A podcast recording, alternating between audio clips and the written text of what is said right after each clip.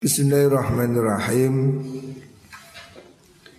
Ala Rasulullah sallallahu alaihi wasallam Azani bihalilati jarihi La yanzurullah ilaih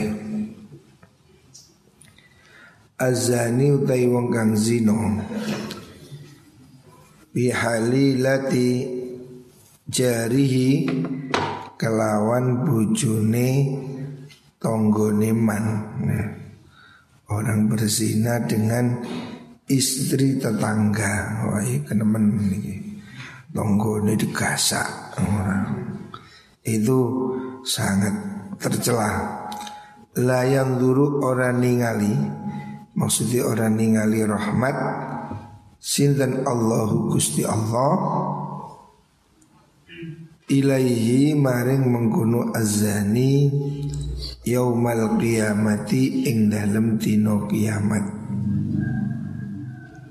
Orang yang berzina dengan istri tetangga.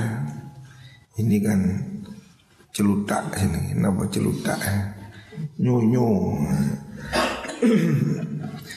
Istrinya tetangga Kok diganggu? Itu dosanya besar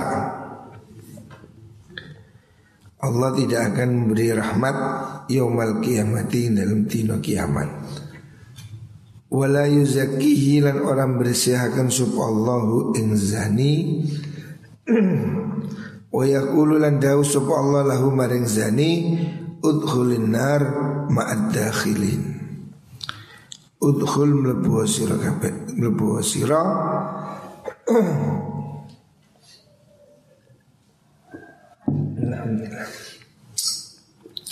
Mlebu annara ing neraka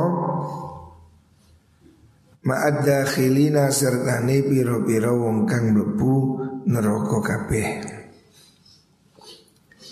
Jadi berzina itu dosa besar. Apalagi berzina dengan istrinya tetangga. Ini kan sudah udah kebangetan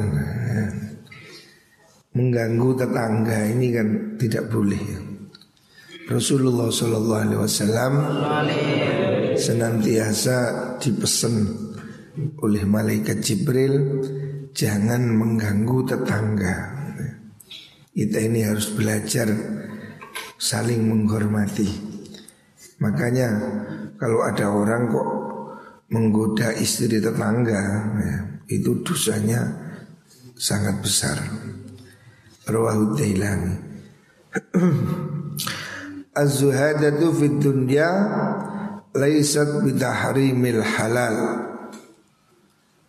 Az-zuhadatu tay sifat zuhud. Zuhud ini tirakat ya. Sikap untuk hidup berhati-hati ya. Zuhud. Fit dunya in dalam dunya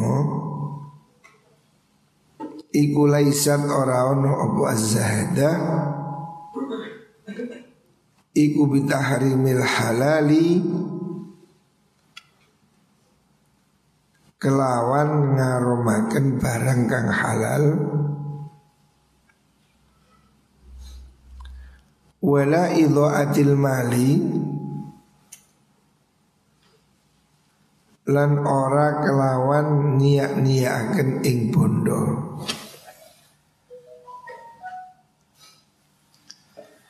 zuhud yang dimaksudkan oleh Rasulullah Sallallahu Alaihi Wasallam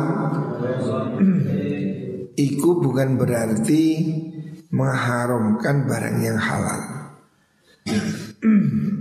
Zuhud itu sikap terpuji ya. Sikap untuk hidup hati-hati ya. Zuhud ini ada tiga tingkat. Ada orang tingkatan zuhud yang pertama menjauhi barang yang haram itu zuhud. Menjauhi subhat. Nah, terus menjauhi hal-hal yang melenakan dari Gusti Allah. Itu tingkatan zuhud. Yang pertama yang menjauhi barang yang haram. Hati-hati. Sikap zuhud ini sikap penuh kehati-hatian. Tetapi bukan berarti zuhud itu mengharamkan barang yang halal ya. Zuhud itu tetap hidup baik ya. Cuma berhati-hati ya. Bukan berarti zuhud itu tidak boleh makan, tidak boleh minum. Bukan berarti zuhud itu kemudian kiri, bukan ya. Kiri itu sendiri ya. Zuhud itu lebih ke sikap hati-hati. Artinya umat Islam ini tidak semuanya harus miskin. Alasannya zuhud. Sebab zuhud ini adalah sikap hati. Orang bisa jadi kaya tapi zuhud kaya tapi sufi. Zuhud artinya hati-hati ya. Meninggalkan hal-hal yang haram. Meninggalkan hal-hal yang syubhat. Ini zuhud. Tapi bukan berarti zuhud itu terus harus miskin, hidupnya menderita. Bukan selalu begitu ya. Sufi itu bisa jadi kaya. Ibnul Arabi Sayyidus Sufiyah kaya raya. Imam Malik Imam Mustahidin kaya raya. Jadi sufi itu tidak harus miskin. Sama dengan sikap zuhud. Bukan berarti mengharamkan sesuatu yang halal. Tidak ya. Walakin nazahada Tetapi ini utai sikap zuhud Tirakat Fit dunya indal Iku Allah takuna yento ora ono sira bima klan perkara Via tiga kang tetep ing tang, ing dalam tangan siro Hendaknya kamu tidak membanggakan Apa yang ada pada kekuasaanmu. Authaqoi kului kumandel mingka sangking siro Mima bima mima sangking perkara Fiyadillahi kang tetep ing dalam kekuasaan Gusti Allah. Sikap zuhud ini bukan berarti kamu harus miskin. Tidak berarti semua orang harus hidup dalam kekurangan. Tapi zuhud itu sikap bagaimana dia tetap punya perasaan Keyakinan tawakal pada Gusti Allah Jangan kamu lebih percaya pada apa yang ada pada dirimu. Jangan mengandalkan jabatan. Jangan mengandalkan pangkat. Jangan mengandalkan ijazah ya. Semua tidak ada artinya. Jangan kita ini menjadi bangga terhadap Apa yang kita miliki Melebihi ke takwaan kita pada Gusti Allah. Ya. Jadi zuhud ini lebih soal hati. Bukan berarti harus miskin. Umat Islam itu tidak harus miskin. Umat Islam kaya itu baik ya. Santri kaya bagus. Nabi mendoakan sahabat Anas pembantunya Allahumma Aksir malahu wa walada. Nabi mendoakan pembantu yang setia namanya Anas bin Malik. Didoakan oleh Nabi Allah maksir malahu wa walada. Ya Allah Anas ini berikan banyak anak banyak rezeki. Jadi doa kaya itu tidak apa-apa ya. Dalam Sahih Bukhari juga ada itu. Dalam Sahih Bukhari ada bab doa bikasratil mal wal walad bab mendoakan orang supaya kaya raya dan banyak anaknya. Tidak apa salah. Hartanya banyak, anaknya banyak. Ya. Jadi zuhud itu tidak identik dengan miskin. Cuma sikap zuhud ini sikap hati-hati. Jangan sampai kita ini ngambil barang yang bukan miliknya. Jauhi sesuatu yang haram Jangan ambil sesuatu yang bukan milikmu. Halal itu jelas, haram itu jelas ya. Jadi kamu jangan meremeng-remengkan Oh ini kayaknya Tidak bisa Tidak boleh kayaknya Halal itu jelas Milikmu halal Milik orang lain haram gitu. Jangan kamu buat remeng-remeng Ini sikap zuhud ya Sikap hati-hati Dalam bisnis juga perlu zuhud Zuhud dalam bisnis Ya mengerti aturan Ini halal Ini haram ini milik saya, ini milik orang ya. Kamu harus bisa membedakan. Kalau milikmu di rumahmu sana, yang di toko ya milik toko. Jangan kamu kerja di toko terus ah ini milik saya, ini jatah saya. Gak bisa dong. Kalau jatahmu di rumahmu, ya. jangan menghalam, mengapa, mengaburkan sesuatu yang tidak halal.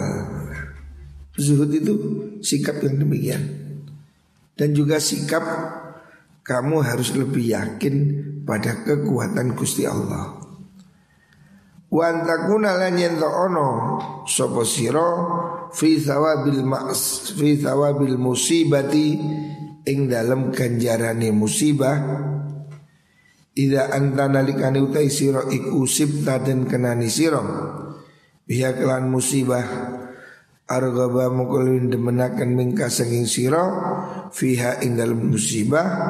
Lau anha lamun musibah iku ubkiat dan tetepaket apa musibah laka kedai siro Jadi sikap zuhud yang di sini dikatakan Rasulullah Sallallahu Alaihi Wasallam Zuhud itu lebih pada sikap hati Pertama rasa tawakal kepada Allah Ya. Jangan kamu merasa apa yang kamu miliki Kepandaian Apa Kekayaan Kemampuan apa pun Jangan itu kamu andalkan melebihi kamu yakin pada Gusti Allah. Sebab orang pinter bisa jadi mendadak goblok. Orang pinter setruk ya langsung bodoh. Orang kaya bisa bangkrut. Ya. Jangan mengandalkan kemampuanmu melebihi keyakinanmu pada Gusti Allah.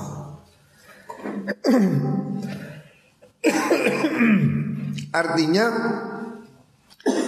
tetaplah walaupun kamu umpamanya diberi Allah kekayaan, kepandaian, tetaplah kamu dalam posisi menghamba kepada Gusti Allah.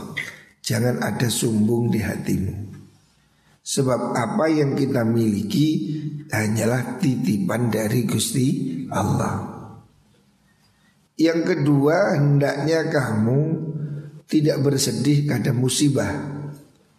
Sebab musibah itu juga datangnya dari Gusti Allah. Seandainya sesuatu itu hilang dari dirimu, dapat musibah, kehilangan atau apa, sakit, kamu tidak merasa bahwa musibah ini sesuatu yang buruk. Bahwa kita meyakini musibah itu adalah bentuk dari kebijaksanaannya Gusti Allah. Jadi jangan merasa musibah itu sesuatu yang tidak disuka. Seringkali musibah itu justru cara Allah memanggil supaya kita mendekat kepada Allah. Orang ini kalau nggak ada musibah kan sembrono. Tapi kalau sakit berdoa. Kalau nggak punya duit berdoa. Nah itulah cara Allah membuat kamu berdoa. Jangan merasa musibah itu sesuatu yang membuat kamu kehilangan harapan. Sebab musibah itu hakikatnya adalah pahala. Siapa sabar mendapat musibah diberi pahala oleh Gusti Allah. Orang sakit sabar. Sakitnya menjadi pahala bagi dia. Makanya jangan pernah merasa apa pun datang dari Allah itu jelek. Bahwa Allah itu maha baik ya. Semua yang diberikan Allah pasti ada hikmahnya. Jadi kalaupun ada musibah kata Rasulullah Wasallam tidak boleh membuatmu menjadi kecil hati. Musibah, kesusahan itu adalah cara kita semakin mendekat pada Gusti Allah. Yakinlah bahwa itu ada pahalanya gitu. Jadi jangan kemudian kamu merasa Allah tidak adil. Bukan, Allah Maha adil.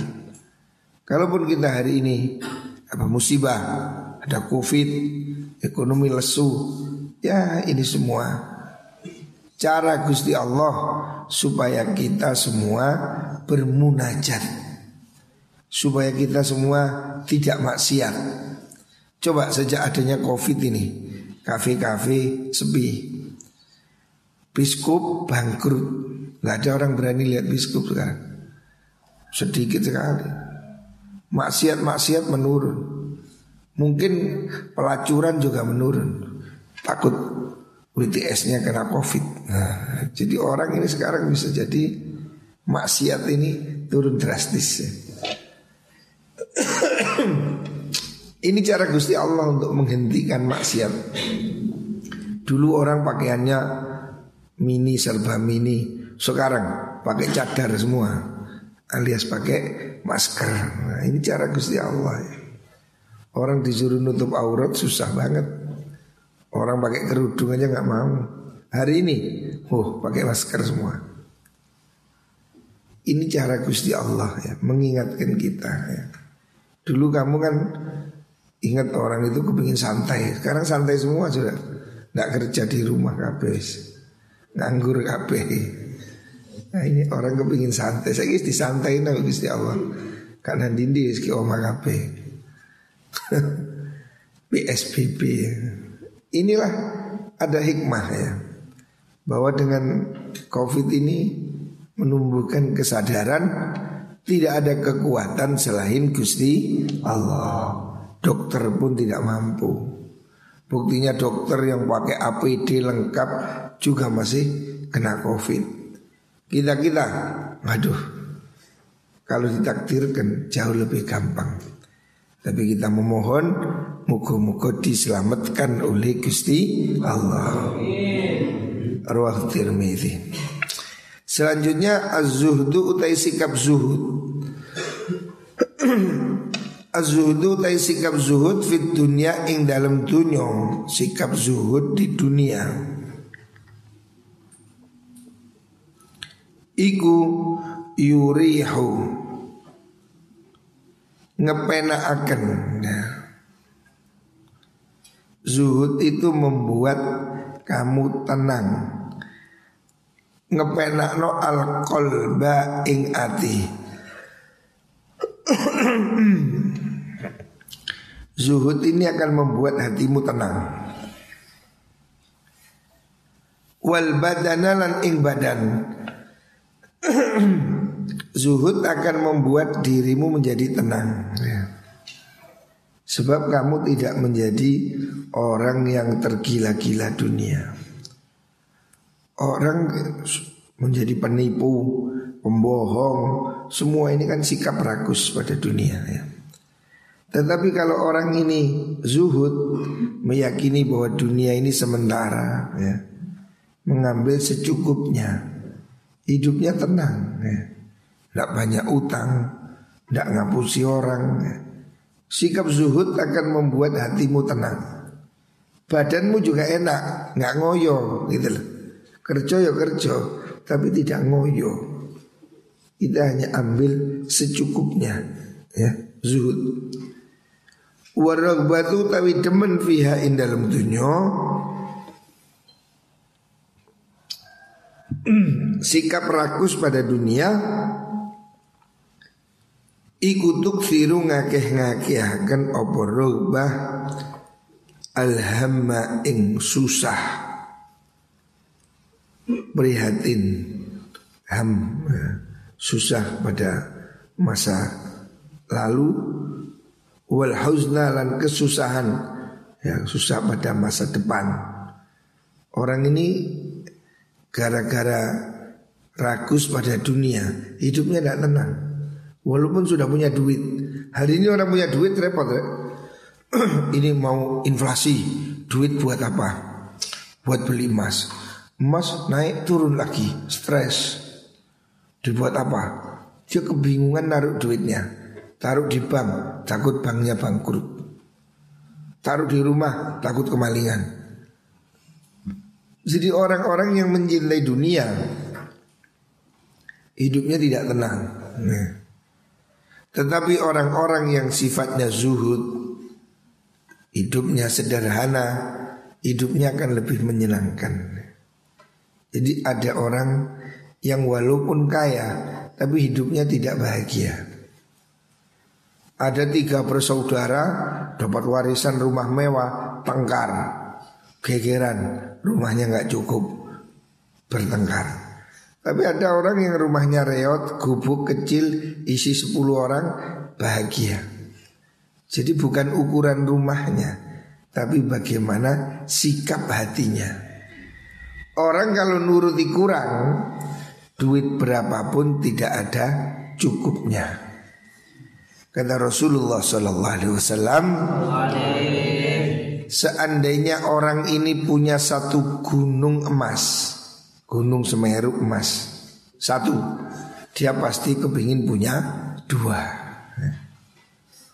Orang ini kalau menuruti sifat kurang, tidak ada cukup.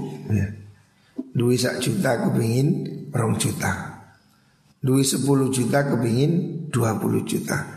Punya rumah satu kepingin dua Orang tidak ada cukupnya ya. Hidupnya akan terus tersiksa Ngoyo Sementara orang yang punya sikap zuhud Ya sudah Nyambut kaya tetap Ikhtiar tetap Tapi tidak membabi buta ya. Ngerti halal dan haram Ini penting ya Kamu harus ngerti halal haram nih kendalikan hidup ini dengan aturan. Ya. Jangan terlalu rakus pada dunia. Tapi bukan berarti harus kiri juga bukan, bukan. Umat Islam kaya juga bagus. Tetapi tidak boleh menjadi kedunian. Apa? Mencintai dunia melebihi akhirat. Ini tidak boleh. Kalau kaya tidak ada salahnya ya. Kiai kaya bagus. Kiai gak suge yo. Dianggap jaluk sumbangan dan dindi wah dicurigai. Kiai numpak sepeda pancal. Sebetulnya bagus, tapi dicurigai. Jangan-jangan kata utang. Nah. Kiai motor api, wis butuh utangan. Nah. Jadi kamu ini tidak harus miskin. Tak juga muga-muga santri ki suki kabeh. Amin santri ini harus pinter dan kaya. Tapi kaya yang bukan yang menjadi kaya yang membabi buta ya. Kita harus kaya dengan cara yang diridhoi oleh Gusti Allah. Bukan dengan mencuri, bukan dengan korupsi, bukan dengan ngentit. Naudzubillah. Hurusin Kala Rasulullah sallallahu alaihi wasallam Sa'altu Rabbi thalathan Sa'altu nyuwun ingsun Rabbi ing pangeran ingsun Thalathan ing perkara telu. Saya minta tiga hal. Fa'adhani mongko paring ni ing ingsun Sopo Rabbi ni ing ingsun isnataini ing luru. Kata Rasulullah Shallallahu Alaihi Wasallam, saya minta tiga hal, tetapi oleh Gusti Allah cuma diberi dua, diberi dua. Yang satu tidak. Wa mana anilah nyegah sop Allah ni ing ingsun nyegah wahidatan ing perkara siji. Ada satu yang tidak diberikan oleh Allah. Nabi minta tiga hal tapi diberi dua, yang satu tidak diberikan. Saal nyuwun ingsun Rabbi ing pangeran ingsun. Allah yuhlika ing yen to orang ngrusakaken sapa Rabbi ummati ing umat ingsun bisa nanti kelawan paceklik ya. Sana itu masa paceklik. Fa'atoni mongko paring soko Allah ni ing ingsun. Nabi minta tidak ada paceklik. Dan Alhamdulillah Selama itu kanjeng Nabi dan umat Islam tidak mengalami paceklik. Makanan selalu tersedia. Wasa'al tulan nyuwun sapa ingsun Hu ing Rabbi Nyuwun Allah yuhlika.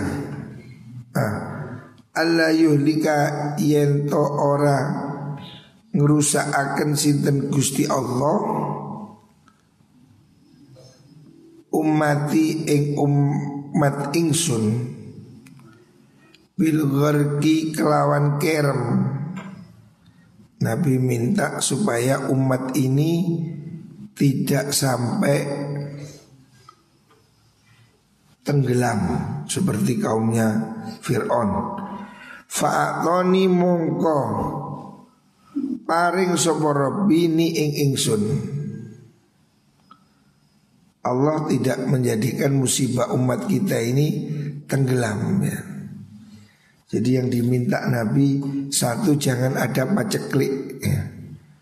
Alhamdulillah kita ini walaupun ekonomi sulit tapi makanan tetap tersedia. Yang kedua minta jangan sampai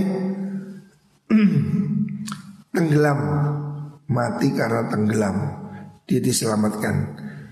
Wasa'al nyuwun ing sunhu ing kanjeng ing Rabbi Allah yaj'ala ing yen to orang dadi akan sapa Allah baksahum ing bahayane umat bainahum ing dalam antarane mengkuno umat famana aniha mongko nyegah Allah ni ing ingsun ha ing mengkuno niku masalah niku.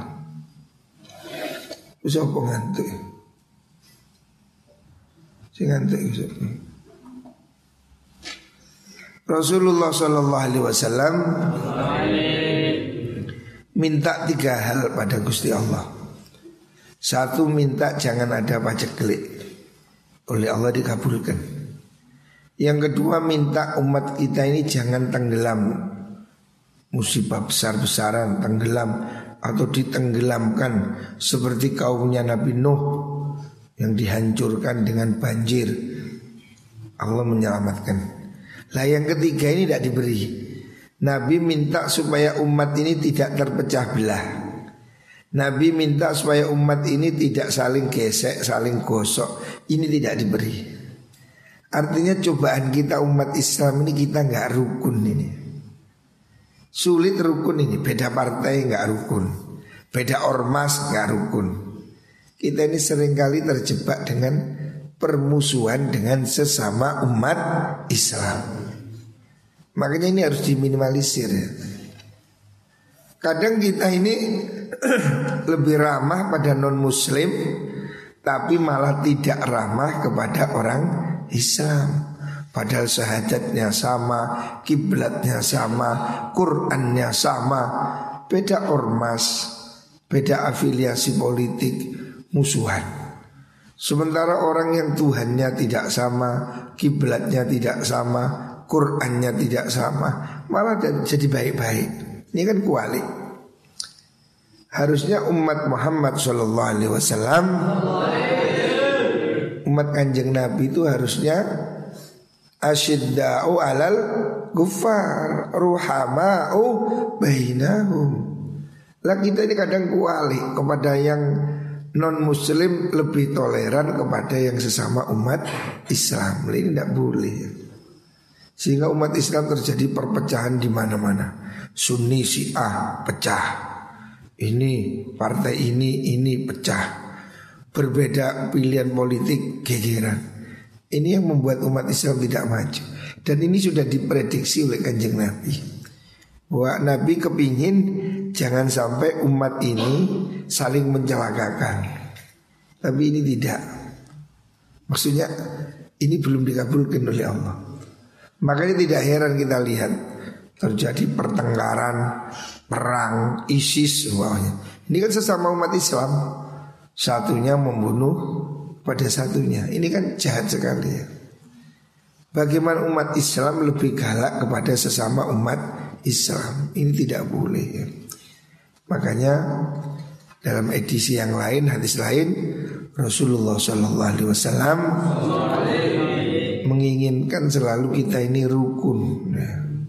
Innamal mu'minuna ikhwah Harus disadari Orang mukmin ini saudara ya Jok temen-temen Lega seneng ambek konco Lega seneng ambek tonggo Kalau tidak suka pada ormas Jangan berlebihan Karena mereka itu orang-orang yang mungkin Seiman sekeyakinan dengan kita ya. Jangan menjadi orang yang pembenci kepada sesama umat Islam. Kalau bisa ya siapa pun jangan dibenci. Bersikaplah belas kasih apalagi pada sesama umat Islam. Kita ini selalu berteriak jorkan rahmatan lil alamin. Alam itu ya semuanya, ya muslim ya non muslim, makhluk hidup, hewan, manusia, ya harus jadi rahmat ya. Jadilah pemersatu. Santri ini jadilah paku Kata kiai saya dulu Santri jadilah paku. Paku ini tidak kelihatan Tapi ini meja ini bisa berdiri karena ada paku Menyatukan. Ini kan di paku. Pakunya nggak kelihatan Nggak kelihatan pakunya Paku ini sembunyi tapi dia merekatkan ya, Merekatkan paku ini jadi bangunan genteng-genteng itu semuanya bisa rumah menjadi kuat karena ada paku, dipaku, dituduki, yang paku diduduk biasa. Tapi dia menjadi pemersatunya. Ya. Kita ini santri hendaknya jadi paku, jangan jadi palu. Wah bewong ditutup, hmm. ngamuan, mentungan ya.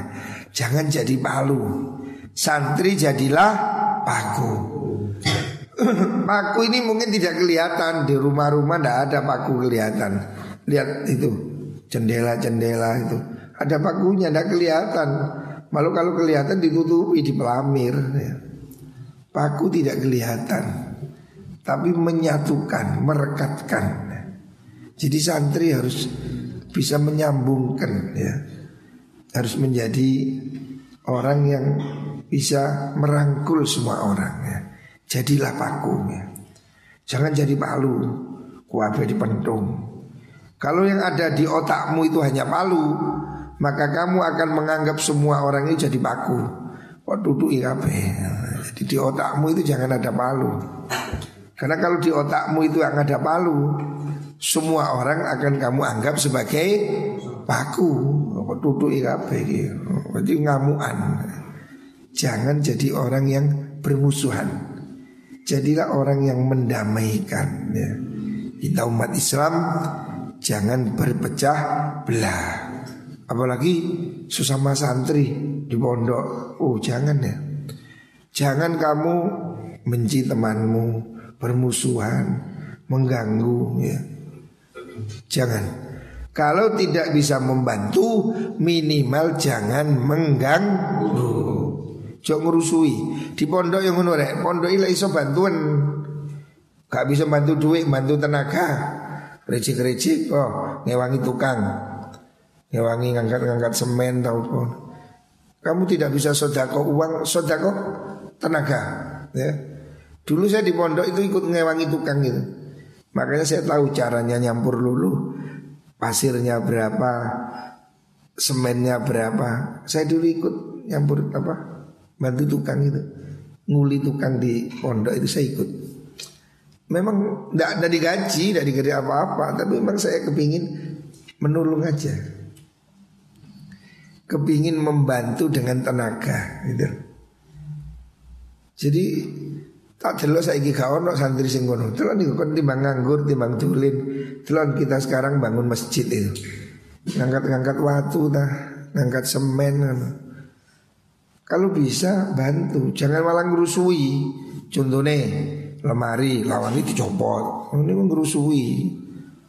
Saya dapat laporan kelas di atas, papan tulis dicopot buat lemek tidur. Itu jenenge mengerusui itu. Kalau tidak bisa membantu jangan mengganggu. Jangan ngerusak itu kamar-kamar itu yang tertib ya. Kalau bisa membantu rek. Siapa yang membantu pasti akan dibantu. Itu rumus sudah, rumusnya sudah. Saya alhamdulillah di pondok dulu itu suka kerja itu, ngewangi tukang itu, ngangkat bata, ngangkat semen, ngangkat batu, kerjaan saya. Hari ini banyak orang dengan sukarela bantu saya. Alhamdulillah ya. Semua orang akan menanam apa yang dia tanam. Itu Hari ini Alhamdulillah Saya merasa apa yang diberikan Allah hari ini Kita ini setiap tahun bangun gak ada selesai Terus ada aja Dan Allah memudahkan ya. Allah itu memudahkan. Kemarin tiba-tiba ada orang datang Ngasih semen, uang. Saya gak minta. Ada yang datang beri sesuatu. Saya gak minta. Saya nggak minta-minta, tapi Allah memberi, masya Allah. Allah menggerakkan hatinya orang-orang untuk membantu. Ini adalah buah ya. Siapa yang menanam pasti akan panen. Siapa yang menolong pasti akan ditolong. Ya, makanya ayo saya kising sergap. Kamu jadilah rajin. Bantu minimal bersihkan sampah itu loh kamarmu halamanmu bantulah jangan malah menggang mengganggu kalau tak bisa membantu jangan mengganggu ya muka-muka semuanya diberi kekuatan oleh Allah Subhanahu wa taala.